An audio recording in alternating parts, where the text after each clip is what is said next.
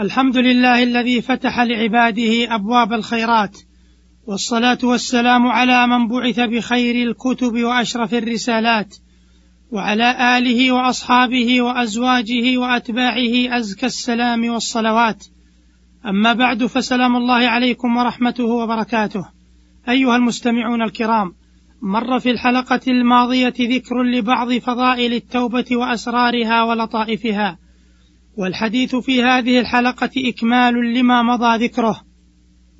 فمن أسرار التوبة ولطائفها أن الذنب قد يكون أنفع للعبد إذا اقترنت به التوبة من كثير من الطاعات. ذلك أن لله على القلوب أنواعا من العبودية من الخوف والخشية والإشفاق والوجل وتوابعها من المحبة والإنابة وابتغاء الوسيلة. وهذه العبوديات لها أسباب تهيجها وتبعث عليها وكلما قيض الرب تعالى لعبده من الأسباب الباعثة على ذلك المهيجة له فهو من أسباب رحمته ورب ذنب قد هاج لصاحبه من الخوف والإشفاق والوجل والإنابة والمحبة ما لا يهيجه كثير من الطاعات. وكم من ذنب كان سببا لاستقامة العبد وفراره إلى الله وبعده عن طريق الغي. قال ابن القيم رحمه الله وهذا معنى قول بعض السلف قد يعمل العبد الذنب فيدخل به الجنة ويعمل الطاعة فيدخل بها النار. قالوا وكيف ذلك؟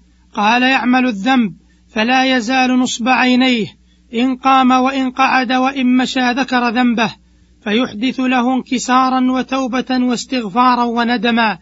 فيكون ذلك سبب نجاته ويعمل الحسنة فلا تزال نصب عينيه إن قام وإن قعد وإن مشى كلما ذكرها أورثته عجبا وكبرا ومنة فتكون سبب هلاكه فيكون الذنب موجبا لترتب طاعات وحسنات ومعاملات قلبية من خوف الله والحياء منه والإطراق بين يديه منكسا رأسه خجلا باكيا نادما مستقيلا ربه. وكل واحد من هذه الآثار أنفع للعبد من طاعة توجب له صولة وكبرا وازدراء للناس ورؤيتهم بعين الاحتقار. ولا ريب أن هذا المذنب خير عند الله وأقرب إلى النجاة والفوز من هذا المعجب بطاعته الصائل بها المان بها وبحاله على الله وعلى عباده. وإن قال بلسانه خلاف ذلك فالله شهيد على ما في قلبه ويكاد يعادي الخلق إذا لم يعظموه ويخضعوا له ويجد في قلبه بغضة لمن لم يفعل به ذلك. ولو فتش نفسه حق التفتيش لرأى فيها ذلك كامنا ولهذا تراه عاتبا على من لم يعظمه ويعرف له حقه متطلبا لعيبه في قال بحمية لله وغضب له. وإذا قام بمن يعظمه ويحترمه ويخضع له من الذنوب أضعاف ما قام به هذا فتح له باب المعاذير والرجاء وأغمض عنه عينيه وسمع عنه عينيه وسمعه وكف لسانه وقلبه وقال باب العصمة عن غير الأنبياء مسدود. وربما ظن أن ذنوب من يعظمه تكفر بإجلاله وتعظيمه وإكرامه إياه. فإذا أراد الله بهذا العبد خيرا ألقاه في ذنب يكسره به ويعرفه قدره ويكفي به عباده شره وينكس به رأسه ويستخرج به داء العجب والكبر والمنة عليه وعلى عباده. فيكون هذا الذنب أنفع له من طاعات كثيرة ويكون بمنزلة شرب الدواء ليستخرج به الداء العضال. أيها المستمعون الكرام ومن لطائف التوبة وأسرارها أن الله يحب أن يتفضل على عباده ويتم نعمه عليهم ويريهم مواقع بره وكرمه فلذلك ينوعه عليهم أعظم الأنواع في سائر الوجوه الظاهرة والباطنة. ومن أعظم ذلك أن يحسن إلى من أساء ويعفو عمن ظلم ويغفر لمن أذنب ويتوب على من تاب إليه ويقبل عذر من اعتذر إليه.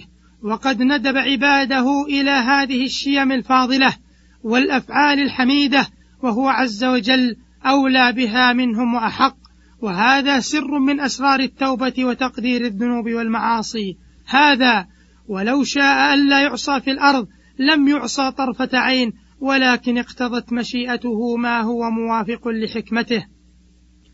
ومن فوائد التوبة أن يعرف العبد حاجته إلى حفظ الله ومعونته وصيانته وأنه كالوليد في حاجته إلى من يحفظه فإنه إن لم يحفظه مولاه ويصونه ويعينه فهو هالك ولا بد. كذلك أن يعرف العبد حقيقة نفسه وأنها الظالمة الجهول وأن ما صدر منها من شر فقد صدر من أهله ومعدنه إذ الجهل والظلم منبع الشر كله وأن كل ما فيها من خير وعلم وهدى وإنابة وتقوى فهو من ربها الذي زكاها وأعطاها إياه. فإذا ابتلي العبد بالذنب عرف نفسه ونقصها فرتب له على ذلك حكم ومصالح عديدة منها أن يأنف نقصها ويجتهد في كمالها ومنها أن يعلم فقرها إلى من يتولاها ويحفظها. ومن أسرار التوبة تعريف العبد بكرم الله وستره وسعة حلمه وأنه لو شاء لعاجله على الذنب ولهتك ستره بين العباد فلم يطب له عيش معهم أبدا ولكنه عز وجل جل له بستره وغشاه بحلمه وقيض له من يحفظه. وهو في حالته هذه بل كان شاهدا عليه وهو يبارزه بالمعاصي والآثام ومع ذلك يحرسه بعينه التي لا تنام. ومن أسرار التوبة تعريف العبد بكرم الله في قبول التوبة فلا سبيل إلى النجاة إلا بعفو الله وكرمه ومغفرته فهو الذي جاد عليه بأن وفقه للتوبة وألهمه إياها ثم قبلها منه. فتاب عليه أولا وآخرا. ومن ذلك أن يعامل العبد بني جنسه بما يحب أن يعامله الله به فيعامل بني جنسه في زلاتهم وإساءاتهم بما يحب أن يعامله الله به في إساءاته وزلاته وذنوبه. فإن الجزاء من جنس العمل فمن عفا عفى الله عنه ومن استقصى استقصى الله عليه وهكذا. ومن فضائل التوبة إقامة المعاذير للخلق فإذا أذنب العبد أقام المعاذير للخلق واتسعت رحمته لهم واستراح من الضيق والحصر وأكل بعضه بعضا واستراح العصاة من دعائهم عليه وقنوطه من هدايتهم فإنه إذا أذنب رأى نفسه واحدا منهم فهو يسأل الله لهم المغفرة ويرجو لهم ما يرجوه لنفسه ومع هذا في ومع هذا فيقيم أمر الله فيهم طاعة لله ورحمة بهم وإحسانا إليهم إذ هو عين مصلحتهم لا غلظة ولا فظاظة.